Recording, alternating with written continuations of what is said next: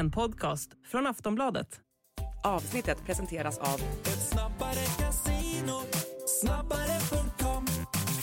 Stödlinjen.se, åldersgräns 18 år. City of Manchester Stadium. Everyone in ready is forward, and that is the final whistle. It's still 100% perfect for Sven-Göran Eriksson and Manchester City. And City lead at the home of their greatest rivals by two to nothing. 8-1 and undoubtedly one of the worst afternoons of Ericsson's career. Vassell at the second attempt. Manchester City lead at Old Trafford. A ground where they've not won for 34 years. And it's Darius Vassell. Sommaren 2007 slog bomben ner. Sven-Göran Eriksson, tidigare engelsk förbundskapten, hade skrivit på ett treårskontrakt med Manchester City. Med sig som assisterande tränare tog han svenske Hasse Backe. I det här avsnittet av Silly Season inifrån, spelet bakom övergångarna, får ni alla detaljer om ryck till när Svennis blev klar för City. Hur han hyllades för sin tid i klubben av både personal och spelarna. I det här avsnittet medverkar Hasse Backe. före detta förbundskaptenen för England tar Manchester City. Så det var ju enormt stort. Otroligt stort var det ju. City-supporten och sportjournalisten Jesper Husfeldt. Men det är klart att de hade ju satt ett avtryck i klubben, Svennis och, och, och Backe. Och jag tror att det där påverkade klubben enormt alltså. Och jag heter Daniel Kristoffersson.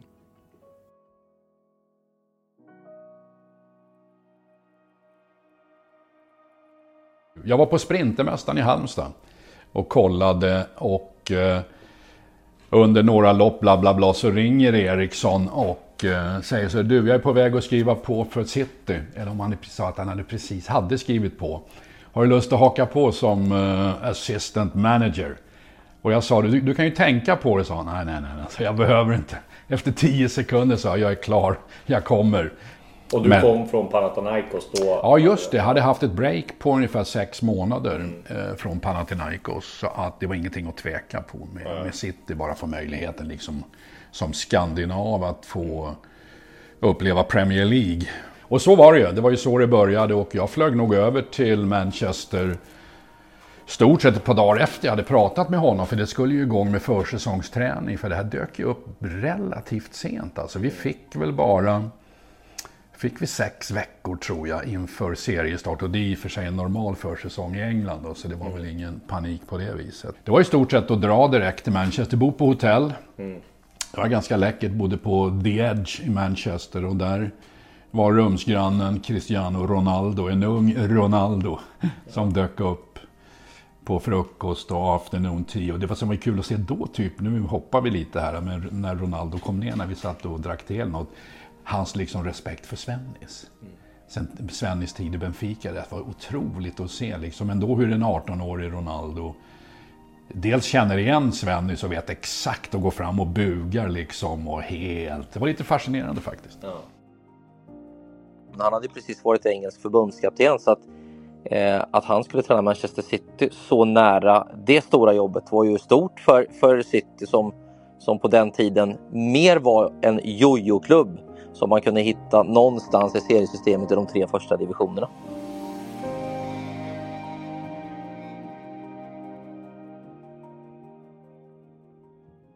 Och vad liksom, vad var, hur såldes Dennis in det här? Men vad liksom var bilden av... Om man beskriver Manchester City då, det är ju samma sak. Vad var liksom... Nej.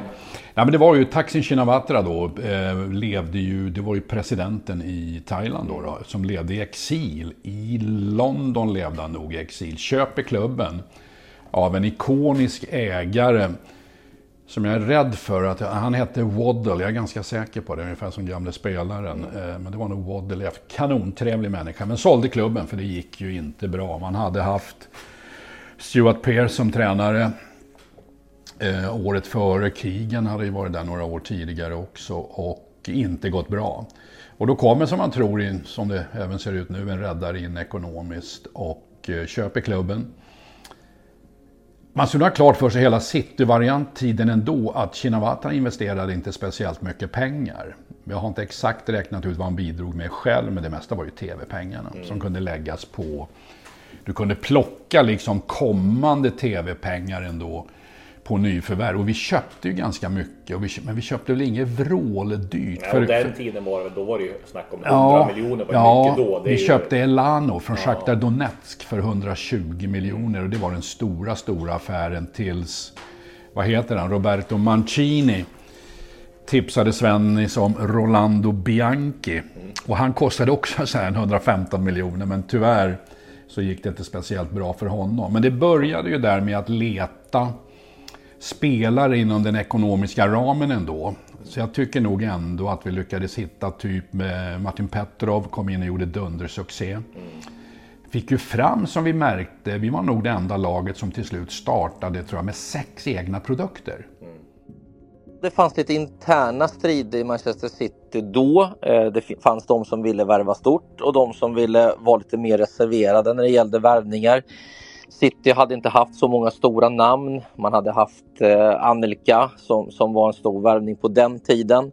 Eh, man hade haft Robbie Fowler i laget men framförallt fokuserat på att ha ett par vassa anfallare. En Atletico de Madrid light skulle man kunna säga. Just då var det väl Samaras, det var Bernardo Corradi men det var, det var tunnsått kan man säga och en del äldre hjältar som Dietmar Hamann och sådär som kom dit för, för att stödja laget. Men Svennis kom där dit i en bra period där det fanns en del unga spelare också som var på väg fram. Inte bara målvakterna som man tänker på allra först utan där fanns Michael Richards som, som var väldigt bra i ung ålder. Eh, Michael Johnson som de hittade där i, i ungdomsleden och Steven Ireland. Så att han hade ett lag med rätt intressanta komponenter att jobba med eh, när han kom dit. Meet 2024's most anticipated robot vacuum, Eufy X10 Pro Omni. With powerful 8000 PA suction and MopMaster's dual mop pads, it keeps your floor sparkling clean. It's the winner of five Best of CES awards, and Digital Trends says it boasts almost all the same features as robot vacuums that cost twice as much. Want to know more? Go to eufy.com, that's EUFY.com, and discover X10 Pro Omni, the best in class all in one robot vacuum for only $799.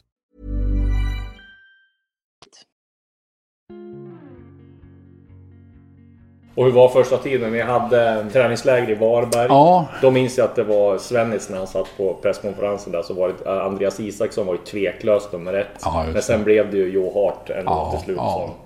Ja, det, det, var nog mycket kritik. Från Sverige var det mycket kritik om att vi inte spelade Andreas Isaksson.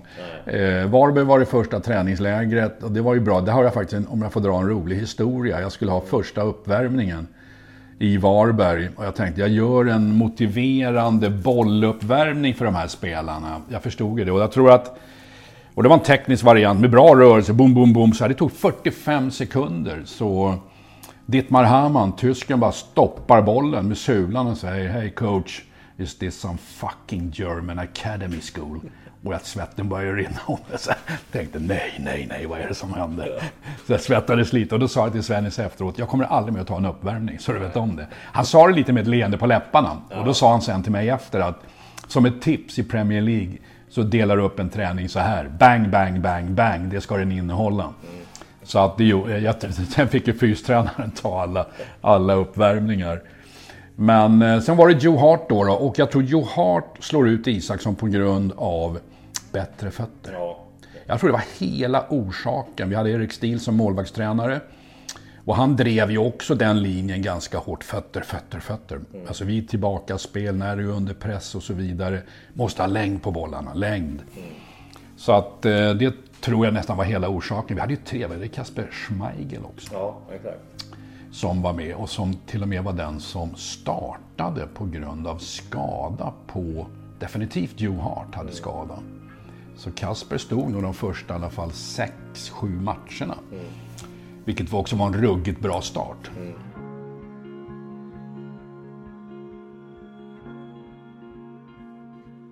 Hur var det där att komma till, just ja, du har ju liksom varit tränare och sådär i Panathinaikos men liksom komma till Premier League och hantera alla de här stjärnorna ni ska värva ihop mm. Hur var, var svårast där liksom? Ja men vet du vad som var bra här? Det var att vara assisterande. Ja. Ja, vilken skillnad. Mm. Alltså det är ju som huvudtränare kontra assisterande. Jag kunde ju ha helt andra relationer mm. med spelarna. Även om Svennis är bäst i världen på att hantera spelare och ha relationer så märkte jag att gå från en huvudchefstränarjobb som då hade varit i FC Köpenhamn och i, i Panathinaikos till att bli den assisterande och liksom sköta träningarna tillsammans med en engelsman som heter Derek Fasackerly mm. som också hade jobbat med Keegan tidigare. Så vi la ju upp och skötte träningarna och då kunde du ha en helt annan relation. Det var ju den som kunde egentligen snacka med varje spelare varje dag. Mm. Sen gäller det bara att hitta en balans så att jag som assisterande liksom inte, ska vi säga, på något sätt uttalar mig fel gentemot Svennis som huvudtränare. Ja. För spelare på den där nivån, de är listiga på att liksom få ut någonting om de är startspelare eller om det är bänk kommande, kommande helg och så vidare. Så den enda gången som jag, en spelare, som jag gick på en spelares rekommendationer, det var Dittmar Hamann igen alltså. Men han kom inför match mot United i derby då, och så sa han liksom att ah, Ska du inte höra med bossen om jag ska starta? här, ja, vad tänker du på då? då? Ja, men vi måste spela med tre centrala fältare, säger han. Vi ska spela mot Carrick och Scholes. Vi kan inte spela två mot två. Det går inte bara med Ireland Johnson. Ni måste ha med mig som tredje. Så att jag gick till Svennis och surrade med honom. Vad säger du? Jag pratar här. Man poppar upp här och en oerhört erfaren spelare. Liksom. Eh, och Svennis var lite inne på linjen. Så att vi spelar Haman. Naturligtvis i alla fall bäst i city, Dittmar mm. Hamann. ja. Inte en felpassning. Nej, nej, trots att han var så här, helt otroligt. Mm. Så att, eh, men det gäller att ha balans där så att man inte skapar någon form av konflikt typ mellanspelare och bossen i det här läget när du är assisterande. Men du kan ju ha du har ju inte alls samma press. Nej. Jag märkte under matcherna när jag satt som assisterande, jag var inte alls lika nervös som huvudtränare. Nej, jag kunde ta det väldigt lätt på mm. det. Det är en stor skillnad. I Lanner finns väl en klassisk story om också när brassen och... Ja, den är ju världsklass ja. liksom. Det, det, är ju så här att han var ju, när han kom, han var ju helt överlägsen. Han var ja. vår absolut bästa spelare hela vägen fram till jul. Och då vet vi nästan alla som kommer utifrån, när vi kommer in jul, nyår i England, du vet ju knappt var du vaknar upp någonstans. Du spelar ju i stort sett varannan dag. Är vi i Birmingham nu? Är vi i Newcastle? Det var så ruggigt pressat. Och direkt efter nyår så började vi märka, att, eller jag började märka i alla fall att träningen, han såg inte så vass ut liksom. Han gick mest omkring och så här. Så att vid ett tillfälle så bröt jag träningen. Men jag vet ju liksom att det gäller att inte visa övriga truppen liksom vad jag snackar om. Jag gick bara fram till honom, lugnt, tyst och fint och sa du måste, du måste börja röra på dig i alla fall. Du kan i alla fall löpa. Och inte bara stå still, lämna träningen, bara går. Står 19 andra och tittar, världsstjärna. Ja, vår stjärna. Han bara går, vad är det som har hänt? Slutför träningen. Svenny står med armarna i kors och flinar utanför. Så att eh, efter träningen så går jag och frågar Svennis liksom så här, vad, liksom, varför står du och garvar? Liksom så här, äh, men du vet ju hur det är, du måste ju lära dig se skillnad på en brasse från norra respektive södra Brasilien. De är olika vet du. De från norra, de är som oss. De från södra, Guds gåva till fotbollen vet du. Och han är från södra vet du. Så du, imorgon måste du göra honom glad om han inte har stuckit. Han kan ju ta en enkel biljett till Rio så har vi torskat 120 mil. Så, här, så ja, det låter ju kul. Så här. Men kommer han imorgon bitti så måste du göra en glad. Så ja, men du vet, de gillar ju damer de här brassarna från södra. Vet du. Så att, ställ frågan liksom hur han har det med kärleken. Så här, ja, skämtar du med mig? Jag kan inte göra det. Jo, jo, jo, jo. Så jag svettades hela natten tror jag. Så på morgonen kommer ju Elano i alla fall. Så jag stoppar honom och jag ställer frågan direkt. Bara, hur har du det med kärleken Elano? Och du vet, mungipen åker upp i öronen på honom. Jag har aldrig sett en sån glad spelare. Sen är han tillbaks. Han är tillbaks i slagläge bara med den kommentaren. Det var vad han behövde höra. Sen var han igång igen. Ja, det ser man ju mentala Fascinerande. Åh, oh, ja. herre Jesus. Och sen går ni ju väldigt bra. I, ja. Alltså, inleder ju ja. helt fenomenalt. Vi är ju obesegrade fram till femte eller sjätte match. Jag slår United hemma. 1-0, mm. Giovanni. Och då ska man ta med sig att eh, City har inte vunnit derby på väldigt länge och inte vunnit båda derbyna på flera år. Det var på över 30 år ja. sa de. På runt en 30-32 år så var det första gången som City vann bägge mötena. Ja, det gick så bra under en period för Svennis och Backe där i Manchester. Fram till jul så drömde ju fansen om en Champions League-plats med all rätt, för de slogs ju där uppe i toppen. Och till följd av de här framgångarna, de här hyfsat lyckade värvningarna, så kom också resultaten. Så att egentligen var det väl det var väl egentligen grädden på moset de här triumferna, att man också lyckades slå eh, Manchester United eh, vid två tillfällen. Well, how much have you been waiting for this game? It's the 148th competitive Manchester derby, the 137th in the league, and the 21st in the Premier League. And surely City expectations growing here. The shot is in! City take the lead! A bit of Brazilian magic against the run. That is the final whistle. It's still 100% perfect for Sven-Göran Eriksson and Manchester City are proudly atop of the Premier League. Fergie says well done. And Van der Sar got a piece of it. For Sell at the second attempt. Manchester City lead at Old Trafford.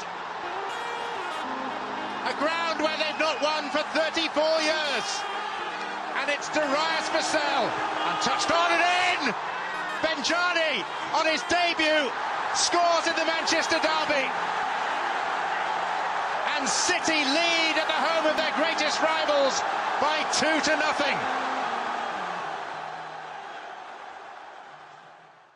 Vi vinner de fyra eller fem första matcherna, möter Arsenal borta vet jag. Torskar 0-1 i 86. Jag vet Schmeichel räddar en, Schmeichel ska jag säga så det blir rätt. Räddar en straff i 86 från van Persie och sen vet jag Fabregas gör nästan om det är på returen direkt efter 1-0 så vi losar den. Eh, det var nog första förlusten men sen går ju vi bra nästan hela tiden fram till slutet på säsongen. Och det är då det börjar komma ut i tidningarna att upp, Eriksson kommer att få sparken. Mm. Och... Eh, Men varför var det? Var det för att kraven var så höga på? Eller var, var det... Ja, men jag tror att Shinawatra hade, han trodde väl att vi skulle kunna vara med och hota och vinna, vinna Premier League. Liksom. Fullständigt orealistiskt. Absolut noll koll på fotboll. Och det menar jag noll koll Ja, men det på finns fotboll. väl en klassisk story när ni sitter där och, på, och ser någon match när han och Svenne sitter och så kommer det ut några och joggar och så tror han... Ja, precis, precis. Det är, vi, är, vi är på Anfield. Vi är på Anfield och ska se Liverpool mot något som vi ska möta efteråt. Och 0-0 efter 90 minuter så Svennis och jag säger liksom att ja, vi går in och tar en fika så länge med tanke på att det är så mycket folk som ska lämna och så vidare. Men han sitter kvar, Shinawatra. Och sen kommer han in där vi står och fikar. Kom ut, kom ut! De ska spela en ny match. Va? Nej, det är slut efter 90 minuter. Så vi går ut och kollar vad det är. Liksom så här. Det är ju några som håller på och joggar av efter fight. Så då har du satt nivån på det hela. Ja, det är det jag menar. Snäll man var han. Men absolut ingen, ingen koll. Och då kommer vi fram till slutet på säsongen där där vi, media börjar skriva att vi kommer att få sparken. Men där, som, inte var inte Svennis som sa det, men med, det var flera andra som sa att media stöttade ju upp Svennis. Från att tidigare liksom under landslagstiden bara avrättat liksom i slutet rakt av. Så skrev de faktiskt att nej, det här förtjänar de inte. De gör den bästa säsongen på runt 30 år. Den, en av två, de två bästa på 30 år och det här förtjänar de inte. Och när det här börjar komma ut i tidningarna så har vi väl, ja vi kan gå till sista matchen. Så kommer Richard Dunn in i, i tränarrummet och säger vi spelar inte. Va? Stämmer det här att ni kan få sparken, då skiter vi i det här. Då får det vara. Och, eh, men Svennis lyckas ju övertala bla bla, och det är klart att måste spela matchen och så Ja, vidare. men ni sätta press på ägarna liksom. Ja, ja, precis. Och eh, flera spelare bara sa, vi borde vägra, vi borde inte spela. Ni får spela med B-laget. Hur kände ni då? Får borta. Ja, det är ju fantastiskt eh, på en sån grej. Och, men Svennis sa, vi måste liksom ställa upp med det vi har. Och eh, ja, du vet vad som hände. Vi möter Middlesbrough borta och torskar med 8-1. Jag har liksom aldrig sett något liknande. Men det är ju då det kommer runt en 4000 City-fans som står på kortsidan då i Middlesbrough och sjunger den här Pink Floyd-låten. Jag tycker det är fenomenalt. Där den går liksom så här... Ehm, We don't need no scolari. We don't need no more in you. Hey, taxin, leave our Sven alone. I 90 minuter. Så att det bara smäller baklängesmål. Och vår backlinje, den hade definitivt strejkat medvetet. Det lovar jag för de målen vi släpper in. Åh herregud. Så att det var ju en jäkla fin manifestation. Det kändes ju verkligen hur de ställde upp på det viset. Va? Sven-Göran Eriksson was on the brink of giving Manchester City their highest ever finish in the Barclays Premier League, but facing showdown talks with the club's owner on Monday. And the Swedes' frosty relationship with Taksin Shinawatra can only have been strained even more by this performance. Richard Dunn's 14th minute red card for clipping Tunshai's ankle was the start of a humiliating capitulation. City's faces were as red as the home side shirts as they squandered possession cheaply in midfield and Adam Johnson capitalised. Rockenbach was enjoying an outstanding match, and when he played in Jeremy Aliadier with seven minutes to go, the Frenchman piled on yet more misery. The players couldn't wait for the final whistle. Borough, by contrast, were relishing every moment. Their biggest top flight success for 58 years wrapped up with a minute remaining. 8 1, and undoubtedly one of the worst afternoons of Ericsson's career.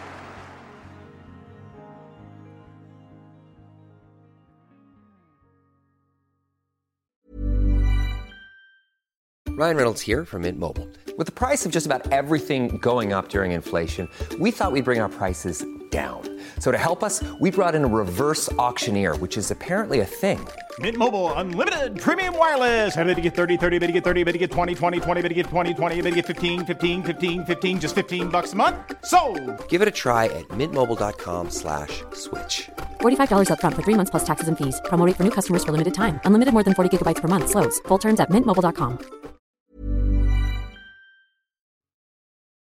Om man är anhängare till Manchester City så vet man ju att förr eller senare kommer det gå åt, åt helvete.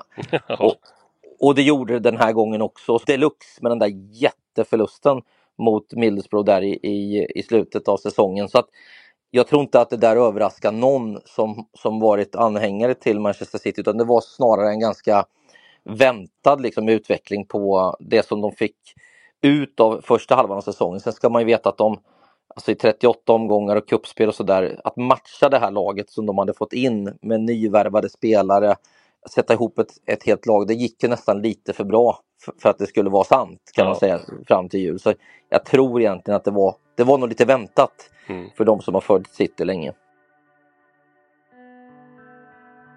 Vi visste ju inte ens då efter den fighten, för då reser vi ju till Thailand. Vi reser till Thailand för han ska öppna en shop någonstans, jag kommer inte ihåg var i Thailand. Spela en uppvisningsfight i samband med att han öppnade Manchester City shop där. Ska han göra. Exakt, för då fick han tydligen tillträde och komma in, för han levde ju i exil. Men där var han i alla fall, han var med där. Och eh, jag sa till Svennis innan vi reste, vi borde skita i det här, vi borde få ett svar. För det här media har ju ofta rätt i England, de är ju rätt ute alltså. Och, eh, men vi åker dit i alla fall och eh, sen efter några dagar då får vi, kommer Macintosh eh, ledsen och säger ja det är så här att ni får kliva av alltså, det, det blir ingen fortsättning. Så att, ja det var ungefär så det såg ut alltså. Och sen var det väl när han gick upp och sjöng där Should I Stay? Ja, herregud. Alltså, det är ju briljant. Det var innan ni får det här Ja, det, för dagen efter får vi beskedet. Liksom. Jag tror det är dagen efter. Liksom, så här, på, en, på en karaokebar. Så här, vet, jag sa först jag vägrar åka med. Jag vägrar alltså. Då säger han till mig, känner att ja, men dricker du lite rödvin vet du, då får du bra röst. Alltså. Ja, tjena. Så åker vi till den här karaokebaren. Och, så säger han ju då Sven, Sven, this is a song for you, säger han så här. Och kliver upp, du vet. Och jag säger det här, han måste ju ha tänkt till när han väljer att sjunga Should I stay or should I go? Gamla Clash-låten. Alltså, det är briljant. Det är fullständigt briljant. Och dagen efter får vi sparken liksom. Men hur var det då? Ni hade ju väntat på det, men kändes det inte bittert ändå med tanke på hur den Jo, det gjorde ju det. Och framförallt stöttningen från media och stöttningen från fansen, den var ju enorm. Eh, så kändes det, varför blev det så här egentligen? Och eh, jag vet inte riktigt. Bittert var det ju, absolut. För jag vet inte, få möjligheten att vara i Premier League, du vet. Det en nation som andas fotboll dygnet runt. Va? Det är ju liksom antalet fans på träningarna, uppmärksamheten är ju enorm. Så att, ja, det var synd. Trivdes nog kopiöst bra i Manchester måste jag säga. Jag vet inte, de kanske hade en känsla av det när de kom ner dit att, att, att eh, det var början på slutet. Men det är klart att de hade ju satt ett avtryck i klubben, eh, Svennis och, och, och Backe, och, och blivit väldigt populära. Och jag vet ju att Svennis var exceptionell när det gällde att hålla kontakter med alla i och runt klubben. Han pluggade in namnen på, på alla som jobbade i klubben innan de kom dit första dagen och så, där. så han hade en enormt skön eh, vördnad för de han jobbade för och jag tror att det där påverkade klubben enormt alltså. och att det där underskattades av, av Shinawatra. Men å andra sidan blev ju inte han kvar så länge heller sen. Och sen så går väl bara några månader så tar väl hela, blir väl det här hela Ja, exakt. Jag tror det bara går två månader. Ja. Och vi brukar säga det. Tänk om vi hade överlevt två månader där. I alla fall fått vara i inledningen när Etihad kör upp. Säkert hade vi väl fått sparken senare också. Men bara fått varit med lite ja. på den satsningen. Det var ju en hyfsad satsning ändå med Shinawatra. Det var det ju. Men det blev ju något helt annat. Det var ju väl, var det Mark Juice som tog över efter oss? Det var det väl va? Och det var det Sheikh Mansour som går in med Exakt. och sen får hur ja. mycket pengar som helst. Exakt. Och så handlar det om 25 miljarder. Det var det som var början på det. Så var det, ja. definitivt.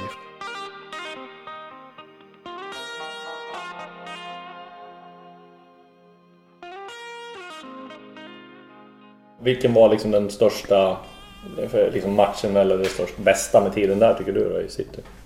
Jag tycker egentligen att som assisterande var det att få jobba med den, den dagliga träningen, den dagliga dialogen med spelarna var ju fenomenalt.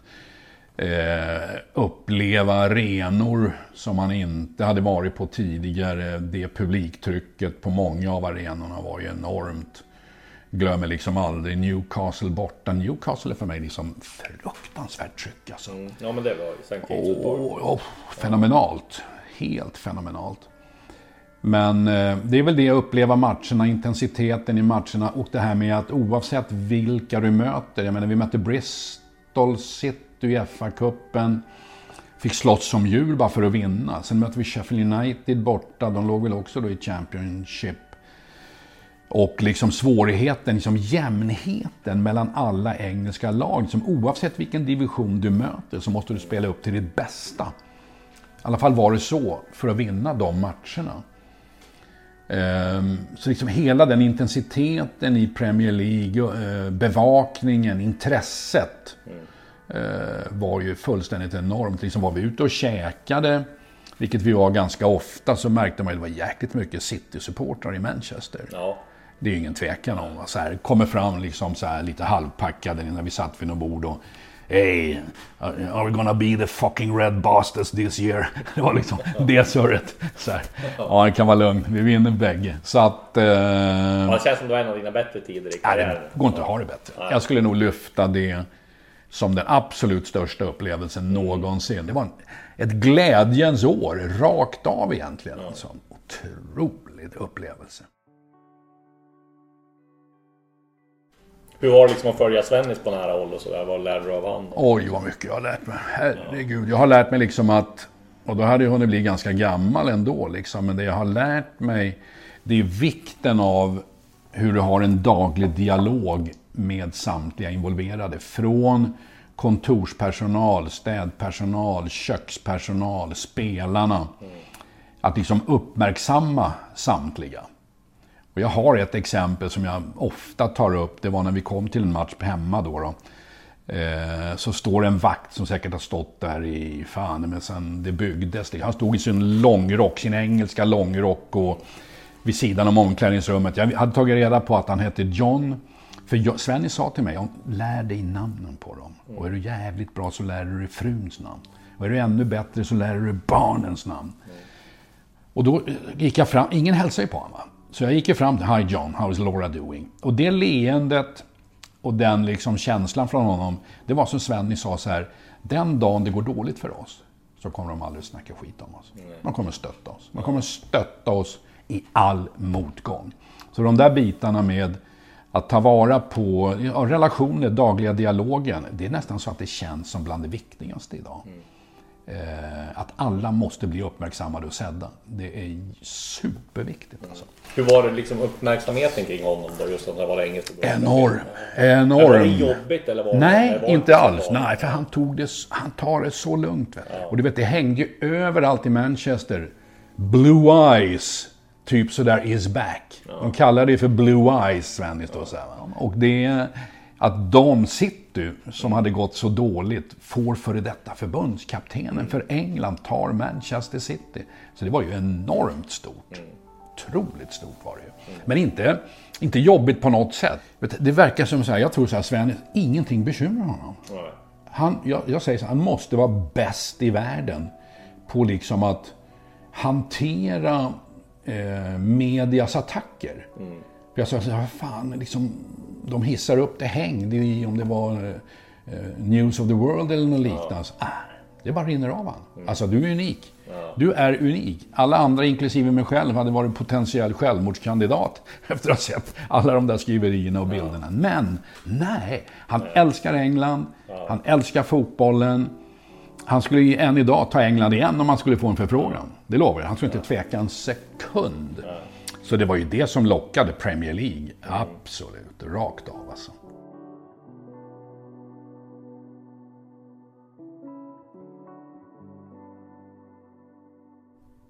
Det här avsnittet spelades in innan Svennis gick ut med att han lider av obotlig cancer. Sjukdomsbeskedet har skapat stora reaktioner i fotbollsvärlden och som avslut så ringde jag upp Hasse Backe igen för att höra hans reaktion på beskedet. Berätta lite grann hur du fick eh, reda på att Svennis var sjuk. Ja, det var faktiskt eh, ganska tidigt. Vi får nog nästan gå tillbaks mellan ett år, kanske inte riktigt ett och ett halvt år när jag pratade med honom och eh, det är klart det var en jäkla smäll. Eh, när han berättar ja, vad det innebär för framtid och så vidare. Och, eh, men han var också väldigt klar på att han ville inte att det här skulle komma ut på något sätt. Då, då. Så jag har ju liksom ändå varit med nästan från och levt med det från första början när han fick diagnosen. Hur tycker du han har tagit det? Han är ju eh, överjävligt bra liksom på eh, med sitt humör. Eh, han är, har ju alltid varit jäkligt positiv och det är en kämpe va som han eh, det är lite fingers crossed ändå på, eh, på var, hur framtiden kan se ut. Men jag hoppas ju att det går att förlänga. Men eh, positivt är han ju rakt av utåt. Jag tycker även när jag pratar med honom på telefon så är det alltid bra humör. Jag tror aldrig jag har hört honom även tidigare på något sätt sur eller förbannad. Alltså det är oerhört sällsynt. Hur ser du på reaktionerna som har varit? Han har fått väldigt mycket stöd utifrån. Ja, och jag tycker det var fantastiskt bra när man med lite med facit i hand att han ändå valde att gå ut med det hela. För att han, det har ju varit spekulationer och så det blir det ju alltid. Men sen när han väljer att gå ut så tycker jag det kändes med facit hand som helt rätt läge. Och det var ju otroligt, det är ju gripande liksom att höra liksom när man hör Rooney och John Terry och jag vet att Beckham har pratat med honom på telefon och sådana här bitar. Va? Så att eh, nej, enormt rätt att göra och så jäkla rättvist att få det stödet också.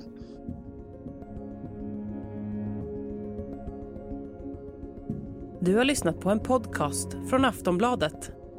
Ansvarig utgivare är Lena K Samuelsson.